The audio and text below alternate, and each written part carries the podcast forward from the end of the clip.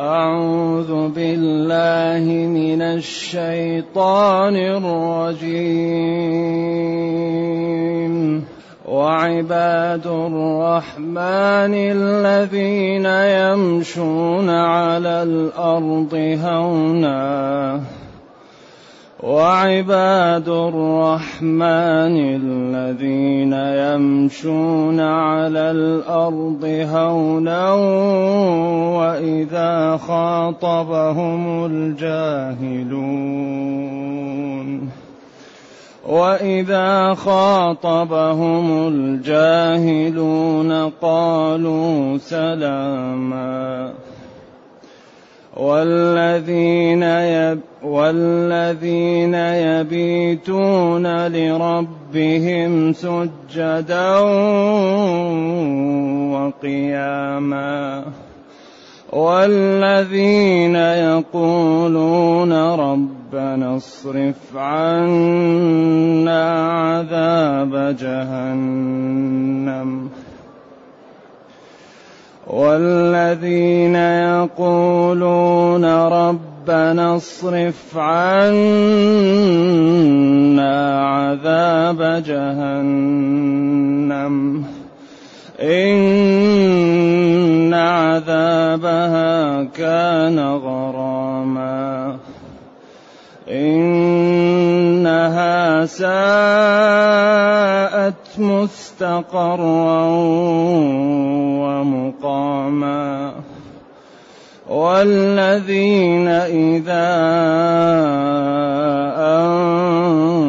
أنفقوا لم يسرفوا ولم يقتروا لم يسرفوا ولم يقتروا وكان بين ذلك قواما والذين لا يدعون مع الله إلها آخر ولا يقتلون النفس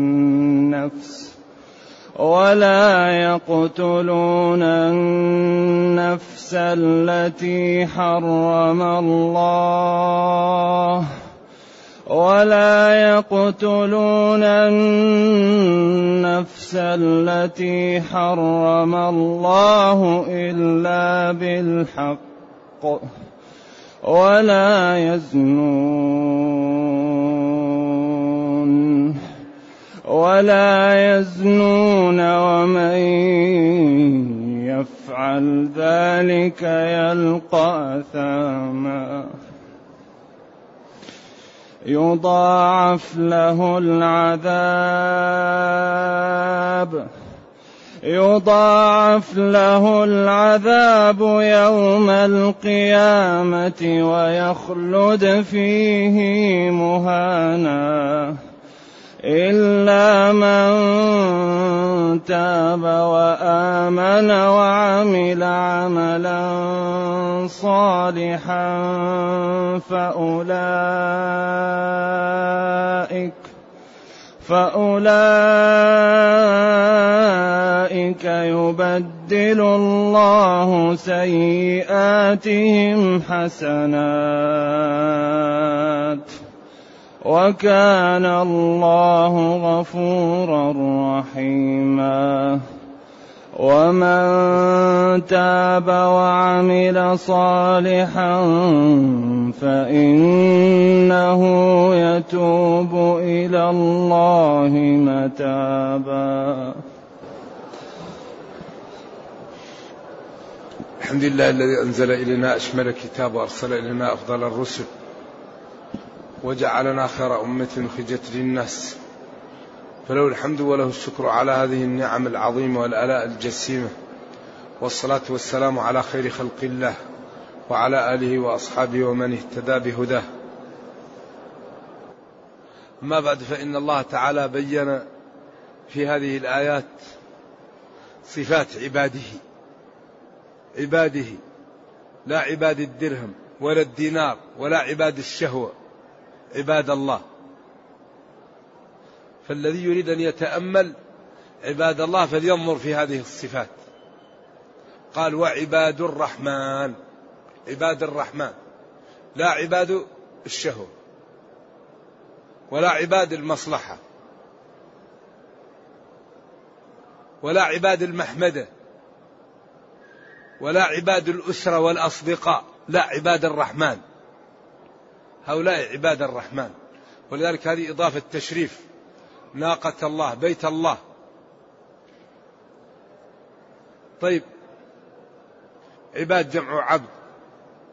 والعبودية معروفة هي التذلل والخضوع وشرعا عجز يقوم بالإنسان سببه الكفر. أيوة العبد لا يكون إلا بسبب الكفر في الإسلام. عجز. يقوم بالإنسان سببه الكفر. أما الخلق كله عبيد الله. له التصرف فيهم ولهم أن يعبدوه ويطيعوه. وهنا شريحة خاصة منهم. أضافها الله تعالى له لما اتصفت به من الصفات الحميدة والأخلاق الجميلة وما ابتعدت به عن الصفات الذميمة والرديئة المضرة فقال جل وعلا وعباد الرحمن. عباد الرحمن. طيب ما هم؟ الذين يمشون على الأرض هونا تعبير في غاية من الجمال والحسن ولذلك قال لا يبادلون السيئة بالسيئة. قال لا لا يرفعون أصواتهم على الآخرين لا يأذون الناس. يعني يمشون متواضعين متذللين لله خافضين جناحهم للناس غير متكبرين ولا متغطرسين. يعني هذا أحسن تعبير في حسن الخلق والتواضع والتعامل مع الناس برفق ورقي. يمشون على الأرض هونا. بخلاف ولذلك هذا المعنى نهى عنه في, في السورة الأخرى. ولا تمشي في الأرض مرحا هؤلاء يمشون على الأرض هونا متواضعين متذللين خافتين يخافون ربهم يرجون الجنة ويخافون النار ويرحمون خلق الله ولا يتكبرون عليه ويبذلون لهم ما يستطيعون من الخير ويدفعون عنهم ما يستطيعون من الشر. يمشون على الأرض هونا يعني هو تعبير أحسن للإنسان الذي يكون يبذل للناس الخير ويكف عنها الشر ولا يلقاها بما تكره يلقاها بوجه طلق فيبذل للناس المعروف ويكف شر ويلقاها بما تسر يلقاها بوجه طلق أو طليق. فالمشي على الأرض هون هو تعبير عن حسن التعامل والرفق وعدم التكبر وعدم التجبر وعدم آه، يعني غمط الناس واحتقارها وعدم رؤية الفضل على الغير يمشون على الأرض هونا. يعني تعاملهم كله برفق. كلامهم رفق ومعاملتهم رفق ومحاورتهم برفق. وأخذهم برفق وتعاطيهم برفق كله بأدب وبرقي. نعم.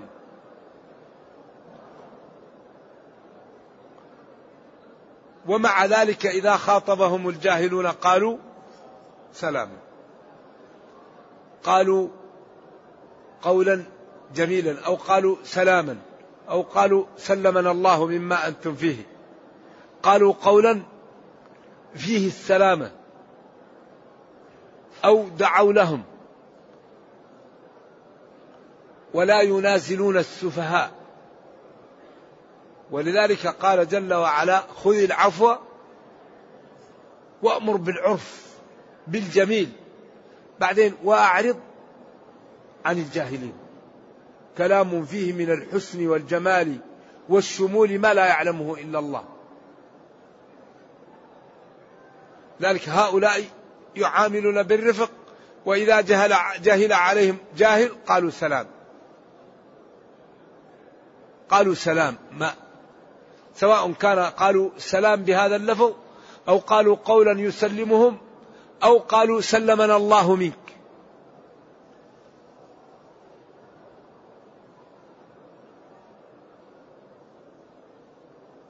إذا هم يرفقون ولا يكافئون السيئة بالسيئة بل يبادلون السيئة بالإحسان. ومع ذلك في الليل بينهم وبين ربهم سر. يبيتون لربهم سجدا وقياما. والصلاة في الليل لها سر. لأن الله كريم كريم وقادر. ولا يضيع أجر من أحسن عمل.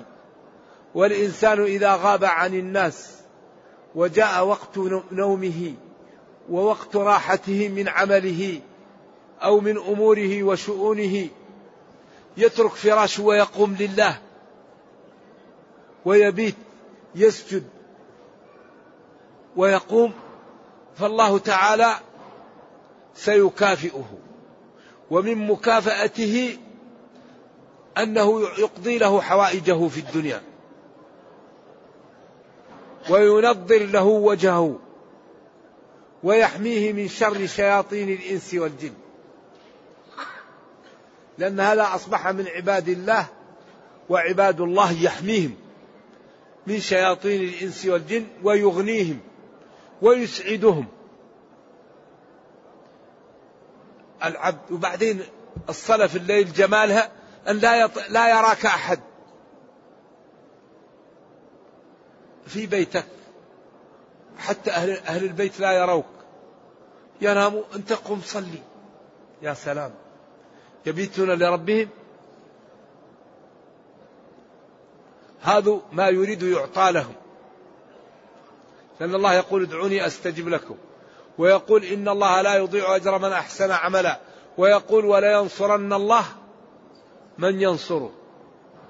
ولذلك هذه الشريحة هي التي بدعائها وبعملها الله ينقذ الأمة من تسلط أعداء عليها ومن تسلط الظلم عليها.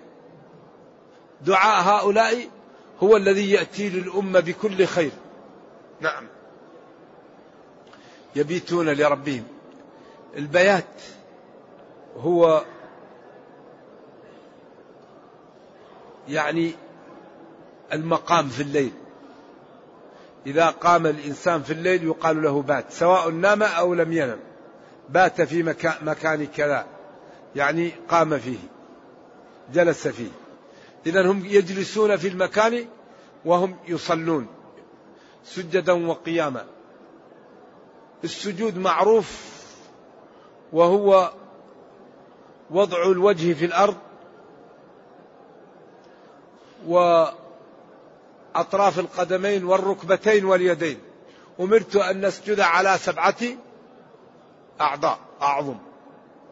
ولكن في اللغة قالوا السجود وضع الوجه في الأرض.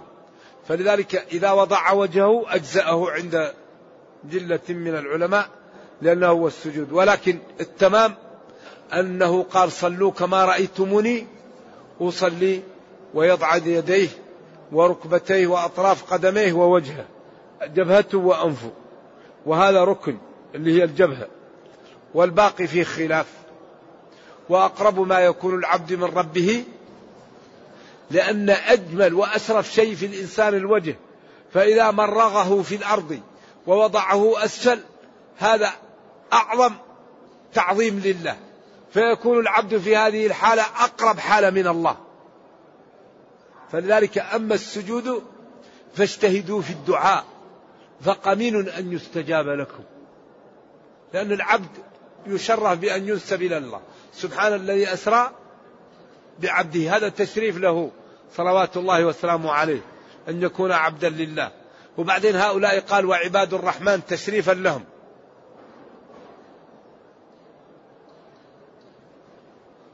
يبيتون يسجدون.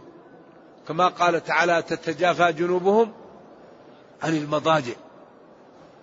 وبعدين الصلاة صعبة إلا على الخاشعين. قال واستعينوا بالصبر. بعدين قال وإنها إن واللام وإنها لكبيرة إلا على الخاشعين. ولذلك غير الخاشع إذا أراد أن يصلي يجد ثقلا. أما الخاشع إذا أراد أن يصلي فيجد خفة وانشراحا. وتعلقا بها. فكل واحد يعرف نفسه. أثقل شيء على غير الخاشعين الصلاة. وإنها لكبيرة إلا على الخاشعين الخائفين من الله تعالى. والذين يقولون قولا بعد قول ربنا يا ربنا أصرف أبعد عنا عذاب جهنم النار. إن توكيد عذابها أي النار كان غراما. في غرام أقوال أظهرها أنه ملازم كالغريم أو كصاحب الغرام يلازمه التفكير والميول إلى من يحبه أو كالغريم يلازم غريمه لا يفارقه حتى يعطيه ما عليه. فهي تلازم أصحابها ويلازمونها وكلما خبت زدناهم سعيرا وكلما نضجت جلودهم بدلناهم جلودا غيرها ليذوقوا العذاب عياذا بالله. إنها أي جهنم ساءت قبحت وذمت مستقرا قرارا ومكانا يسكن فيه الإنسان عياذا بالله. وهذا تخويف لنا ونحن في دار الدنيا لنبادر بإنقاذ نفوسنا قبل أن يفوت علينا الأوان. المشكلة من سمع هذا وهو مات ما بقي يستطيع يرجع للدنيا. أما من سمع هذا وهو في الدنيا هذه نعمة عظمى. حتى يتوب ويفتح صفحة جديدة. بعدين يقول جل وعلا والذين إذا أنفقوا لم يسرفوا ولم يقتروا وكان بين ذلك قواما. والذين إذا أنفقوا أنفقوا لم يسرفوا ولم يقتروا ولم يقتر يقتروا. في قتر وأقتر أقتر يقتر وقتر يقتر ويقتر. وكلها ثلاث قراءات سبعية صحيحة. لأن فعل إذا لم يكن فيها جالب قياسها يفعل ويفعل مثل عتل. قتر يقتر ويقتر. وأقتر على نفسه يقتر عليها. وهي من الإقتار والتضييق وكل القراءات يعني المعنى فيها واحد. وهنا وقفة مع هذه الآية. والذين إذا أنفقوا لم يسرفوا ولم يقتروا وكان بين ذلك قواما. قال بعض العلماء الإسراف هو بذل المال في الحرام والتقتير هو منع المال عن الواجب. هذا قول جميل لكن سياق الآية يعني كأنه يجعل هذا القول وإن كان جميلا أبعد في السياق. وهو صحيح في ذاته. ولكن الذي يشهد له سياق الآية الذين إذا أنفقوا لم يأتوا بزائد لبيوتهم ليضيع. ولم يقتلوا فيأتوا بشيء أقل من حاجة أهل البيت. هذا هو الإقتار أن يأتي بأقل من حاجة أهل البيت وما يحتاجونه. والإسراف أن يأتي بأكثر من حاجتهم فيضيع ولا يستعمل. هذا هو الذي يظهر من السياق. ولذلك الإنسان لو يبذل ماله كله في الله لا يكون هذا إسراف. ولو يمنع شيء واجب عليه هذا يكون عياذا بالله. ماذا؟ أشد التقتير. لكن الآية هذا الأسلوب المقصود به أن الإنسان إذا أنفق يحاول أن تكون النفقة على قدر الحاجة.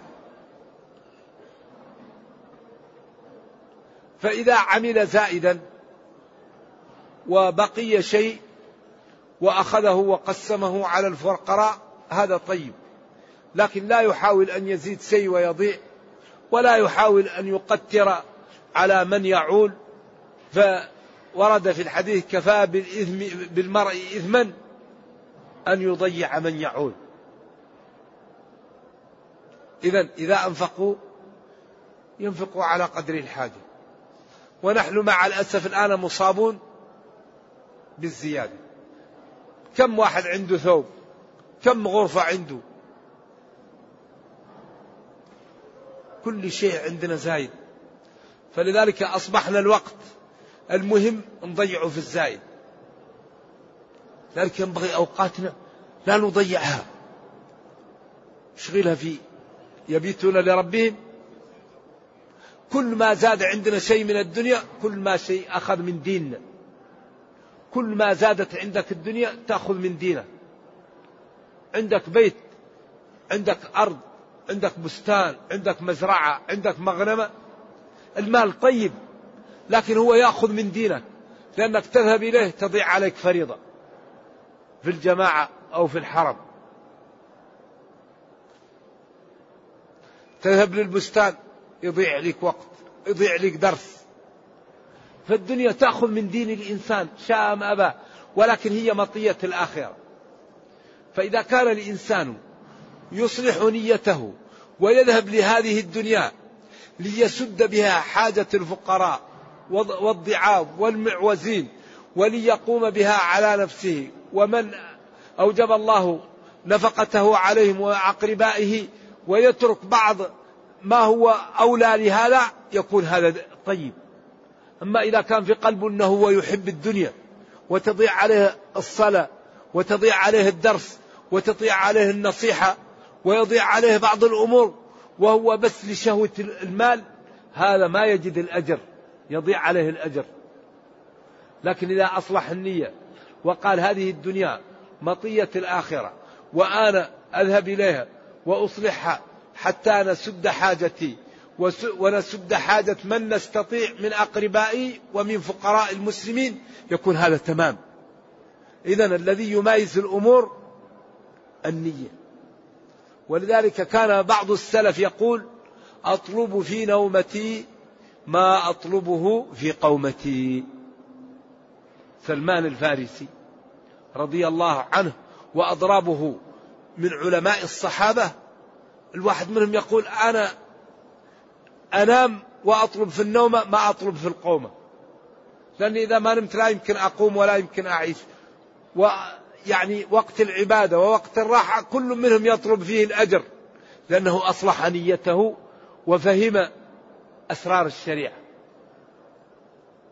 إذا الذين إذا أنفقوا أنفقوا نفقة معتدلة لا نقص ولا زيادة.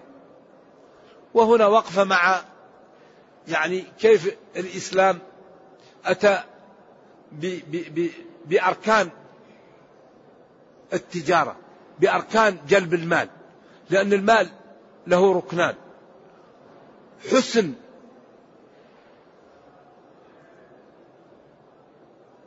التدبير وحسن الطرق التي يأتي بها المال. يعني المال له ركنان.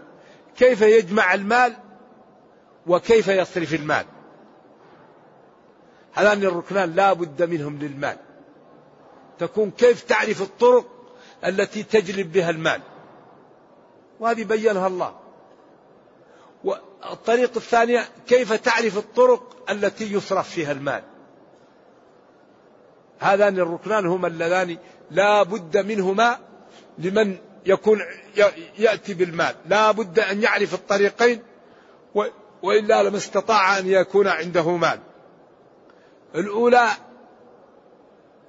يفهم الطرق التي يستجلب بها المال.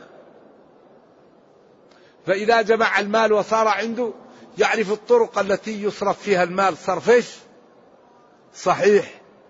ويجد له الأجر ولا يكون إثم عليه.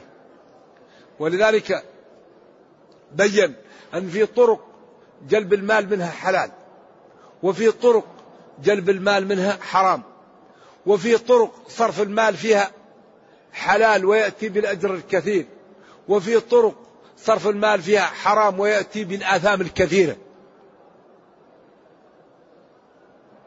إذا الآن الخلل يأتي لكثير من الناس إما من جهل الاثنين أو جهل أحدهما. إذا كان الإنسان يعرف يجمع الفلوس ولكن لا يعرف صرفها كل ما جمع شيء ضيعه. وإذا كان يعرف يصرف مصرف طيب ولكن لا يعرف يجمع الفلوس فما يجد شيء يصرفه.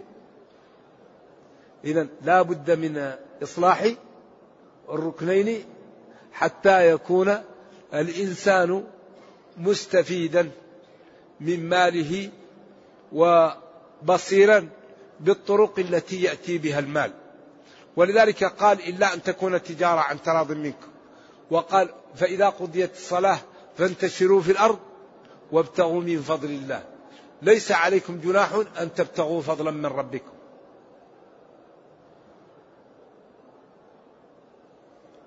وقال في المال والله نبينا ما نقص مال من صدقة. من الذي يقرض الله قرضا حسنا؟ كلها بقيت إلا الذي بقي منها. قال جاء الشاه فذبحوها وقسموها ولم يبق عندهم إلا كتف. قال كلها بقيت إلا كتفها. ما لك من مالك إلا ما تصدقت فأبقيت أو أكلت فأفنيت. دين دين الإسلام دين رائع الحقيقة. ولذلك من أهم ما ينبغي للمسلمين أن يتعلموا كيف يأكلون الحلال. كيف كل واحد منا يمنع بطنه من أن يضع فيه الحرام. لأن هذا يقسي القلب ويمنع من, من استجابة الدعوة ويأتي بكل المشاكل. إنسان تنجس جسمه أصبح مشكل. فذلك أهم شيء نحذر منه أكل الحرام. الحرام يمحق ويحرق.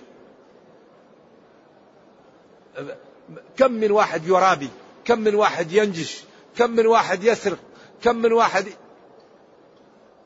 يعني يدخل في في في صفقات مشبوهة. فلذلك من يتق الله يجعل له مخرجا. وما ترك عبد شيئا لله إلا عوضه الله. ويقول جل وعلا إن الله لا يضيع أجر من أحسن عملا. فأخطر ما تواجه الأمة الحقيقة هو الربا الربا الربا. لا يوجد شيء بعد الكفر أعظم من الربا. قال الله تعالى يمحق الله الربا. فإن لم تفعلوا فأذنوا بحرب. ذروا ما بقي من الربا. هذا الذي يعمل الربا للكون لا يعلمه إلا الله. فلذلك أنا أهب بالطيبين أنهم يبتعدوا عن الربا. وهب بأهل الفضل والمال. أن يحاولوا أن يجعلوا يعني مؤسسات للبيع الحلال وللصرف الحلال لأن هذا الربا مدمر. الربا يدمر يمحق. فإن لم تفعلوا فأذنوا حرب من الله. من حاربه الله فهو مغلوب. نعم. ولذلك المال القليل الحلال أحسن من المال الكثير الحرام. ومتاع الدنيا قليل والآخرة خير لمن اتقى ولا تظلمون فتيلا. قل متاع الدنيا قليل والآخرة خير لمن اتقى الله ولا تظلمون فتيلا. إذا ينبغي لنا ألا نسرف وألا نقتل وأن نكون بين ذلك. ونبينا صلى الله عليه وسلم ما منع شيء ما طلب وقال لا. حتى ورد في أثر ضعيف أنه يوما جاءه رجل وقال له أعطيني ثوبك فأعطاه ثوبه وأذن للأذان. وكانت إحدى أمهات المؤمنين تقول له كيف تعطي ثوبك؟ ولا يبقى عندك ثوب وأذن المؤذن وأنت محصور. فقال ولا تجعل يدك مغلولة إلى عنقك ولا تبسطها كل البسط. فتقعد ملوما من إحدى أمهات المؤمنين محصورا عن الصلاة لأنك أعطيت ثوبك. نعم. وإنما تعطي نعم. وما ما, ما لا آه، تحتاجه كثير وما تحتاجه لنفسك تمسكه. إلا من كان عنده صبر وجلد فيؤثرون على أنفسهم. الذي يؤثر على نفسه من كان عنده جلد وصبر وإذا أعطى ماله لا يسأل. أما الذي يعطي ماله ويسأل الناس هذا ما ينبغي ينبغي يمسك ماله لا تسأل. أما الذي يعطي ويصبر طيب أما يعطي ويروح للآخرين لا أمسك عليك مالك ولذلك أمر بالصدقة ولا تنقص المال وتزيد في الخير ولا يوجد شيء أبرك من الصدقة وتطفئ غضب الرب وتزيل ما في قلوب الإخوان من النفرة. لأن واحد غني وواحد فقير دائما الفقير عنده نفرة من الغني. هذا شيء من الله. والإنصاف قليل. فإذا أعطى الغني للفقير زال عنه نوع مما يجد في قلبه من الألم وجاءت الألفة. ولذلك والله لا يؤمن والله لا يؤمن. من بات جاره جائعا وهو شبعان. واحد عنده مروءة جاره جوعان وهو عنده المال. هذا هذا منافي للمروءة. ذلك سبحان الله جعل الزكاة واجبة حتى تطفئ ما في قلوب الفقراء على الأغنياء. وحتى يكون في نوع من التآلف والتكافل. والذين لا يدعون مع الله إلها آخر. أخطر شيء دعاء غير الله. وما أكثره لا يدعون مع الله إلها آخر. الدعاء هو العبادة.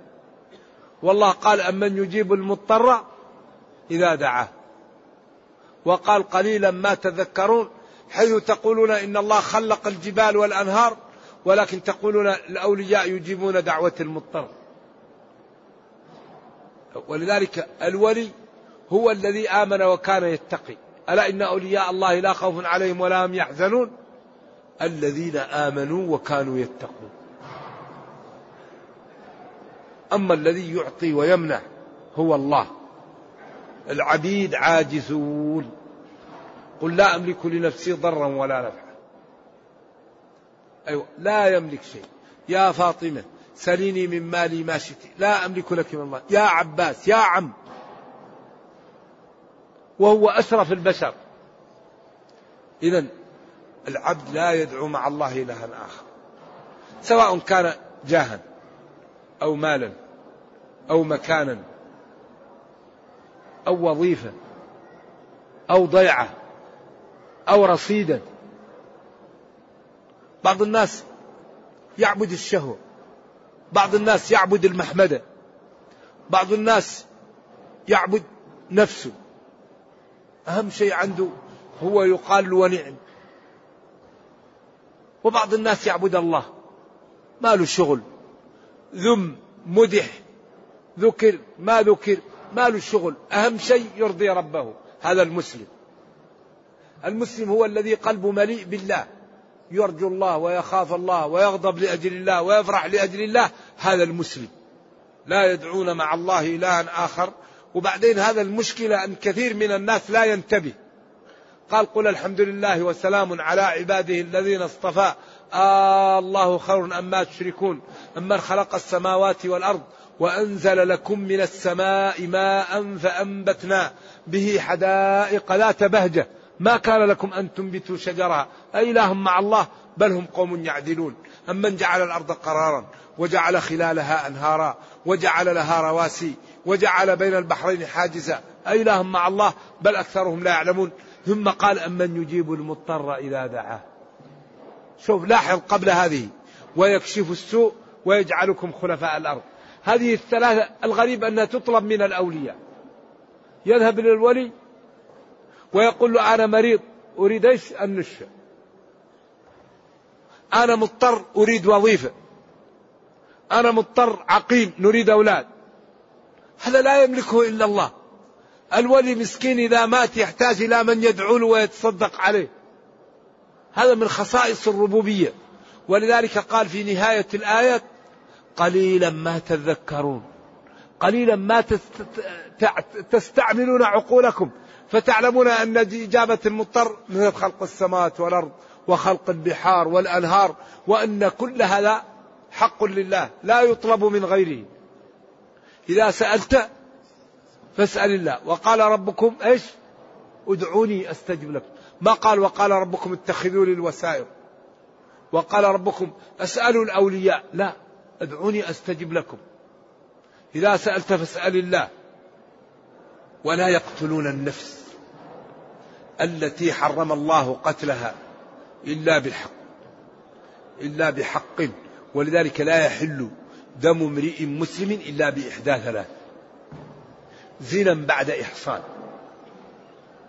يكون رجل مسلم تزوج ودخل بزوجته في عقد صحيح ما في الشبهة وباشرها جامعها. عند ذلك إذا زنى ورأوه أربعة شهود عدول وعاينوا العملية وشهدوا وزكوا عند عند القاضي.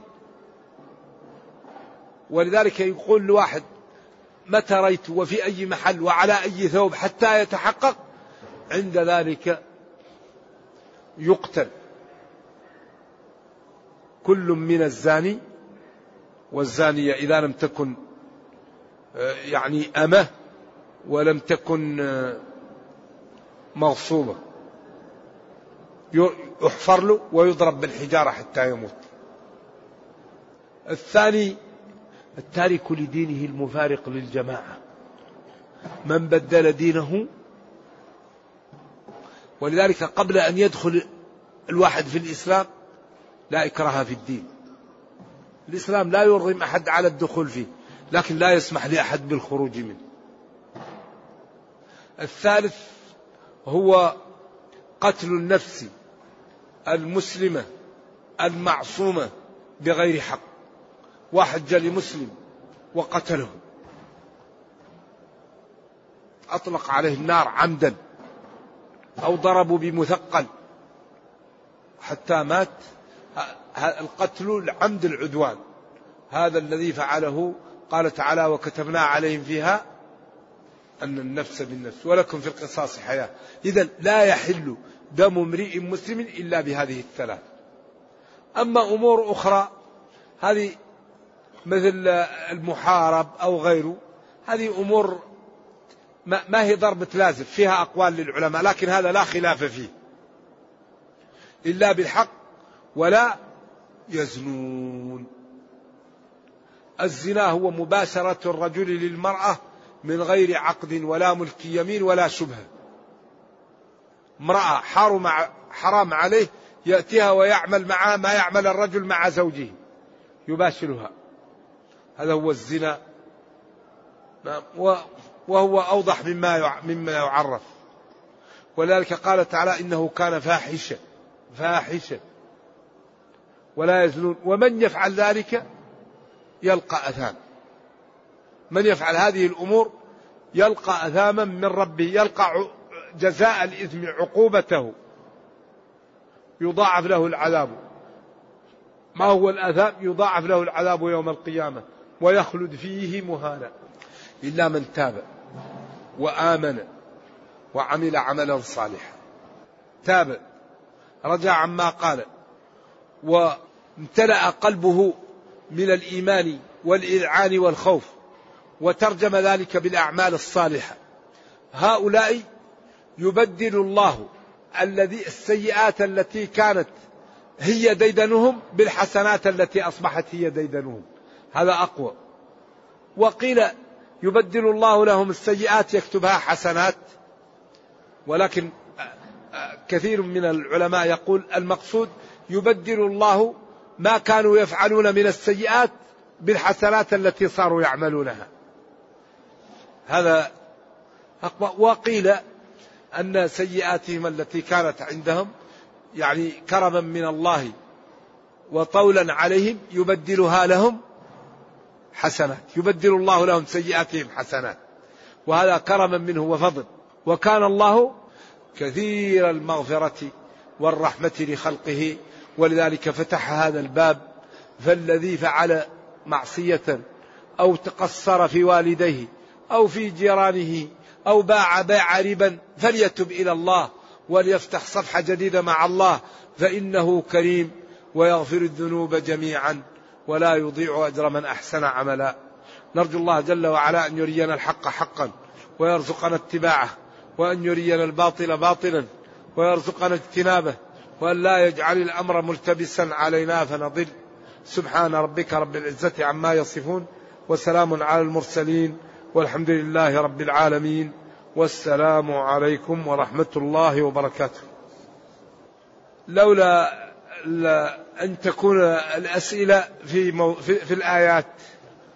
يقول هل خصت المدينة المنورة بزيادة البلاء فيها عن غيرها؟ وهل يجوز للإنسان أن يرتحل عنها بسبب أنه ابتلي فيها كثيرا؟ وهل في ذلك إثم؟ وجزيتم خيرا. المدينة حرم من عير إلى ثور. لعن الله من أحدث فيها حدثا أو آوى محدثا فعليه لعنة الله والملائكة والناس أجمعين. لا يقبل الله منه صرفا ولا عدلا. من أراد أهل المدينة بسوء ماع كما يماع الملح في الماء. تفتح اليمن ويذهب الناس يبسون ويبسون والمدينة خير لهم. تفتح الشام ويذهب الناس إلى أن قال والمدينة خير لهم. تفتح العراق ويذهب والمدينة خير لهم. من استطاع أن يموت بالمدينة فليمت. من صبر على لأوائها كنت له شهيدا أو شفيعا يوم القيامة. المدينة تنفي خبثها كما ينفي الكيلو خبث الحديد. أيوة فلا ينبغي للإنسان أن يخرج من المدينة إلا إذا كان لمصلحة راجحة. والديه قالوا له يأتيهم ولا يسكنون المدينة. أو يكون في بلد يقوم على الفقراء ويقوم بالدعوة وبالتدريس. أما من رزقه الله مقام في المدينة فالمدينة خير لهم. إلا إذا كان يريد عملا للإسلام فالله تعالى يقول قل يا عبادي الذين آمنوا إن أرضي واسعة إيش؟ فإياي فاعبدون. المسلم بينه وبين الله تجارة مرابحة فليذهب المحل اللي فيه التجارة أربح.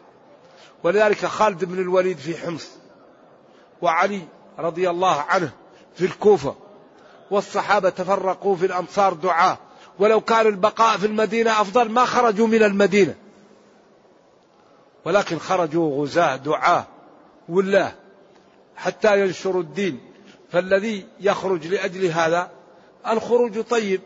والذي يريد أن يبقى هنا ولا عنده يعني نشاط ولا عنده برنامج للمسلمين ولا عنده عمل. فالمدينة طيبة. ولكن المسلم المنفعة التي تتعدى أفضل من المنفعة القاصرة. شخص يبيت قائم الليل أفضل منه شخص يبيت يتعلم نوافل العلم لأن هذا يتعدى لتعلمه للآخرين وقيام الليل لنفسه.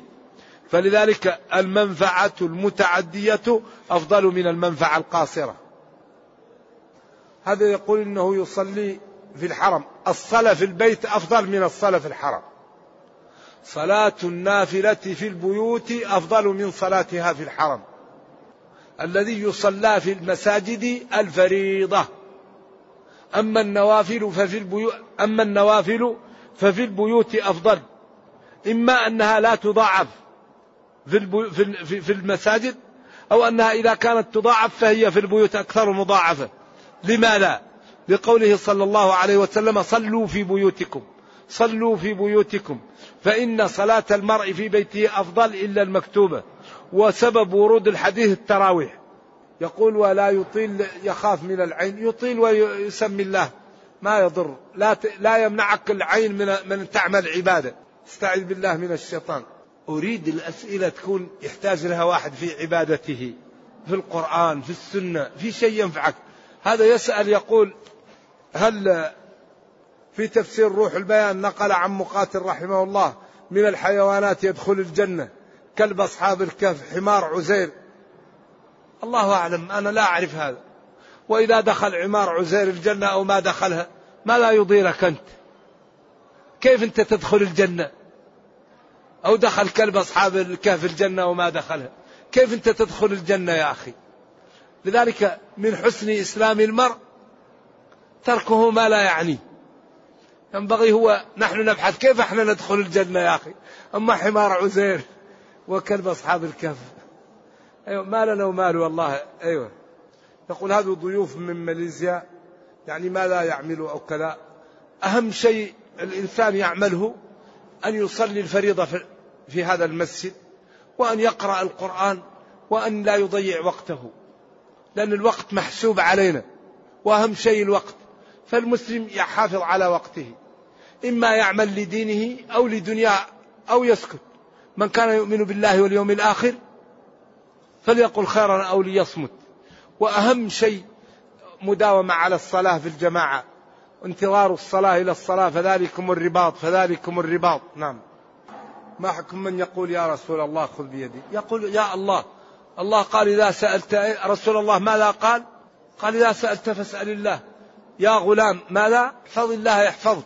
قل آمنت بالله ثم استقم. أيوة. أسأل الله. شخص عقد على امرأة ولم يدخل بها ثم سافر لبلد وعمل الفاحش فيه. هل هو محصن أم لا؟ لم يحصن. لا يكون الإحصان إلا بالدخول بالزوجة. والزنا لا يحصن الإنسان به نرجو الله السلام والعافية. إذا هو يجلد ولا يقتل.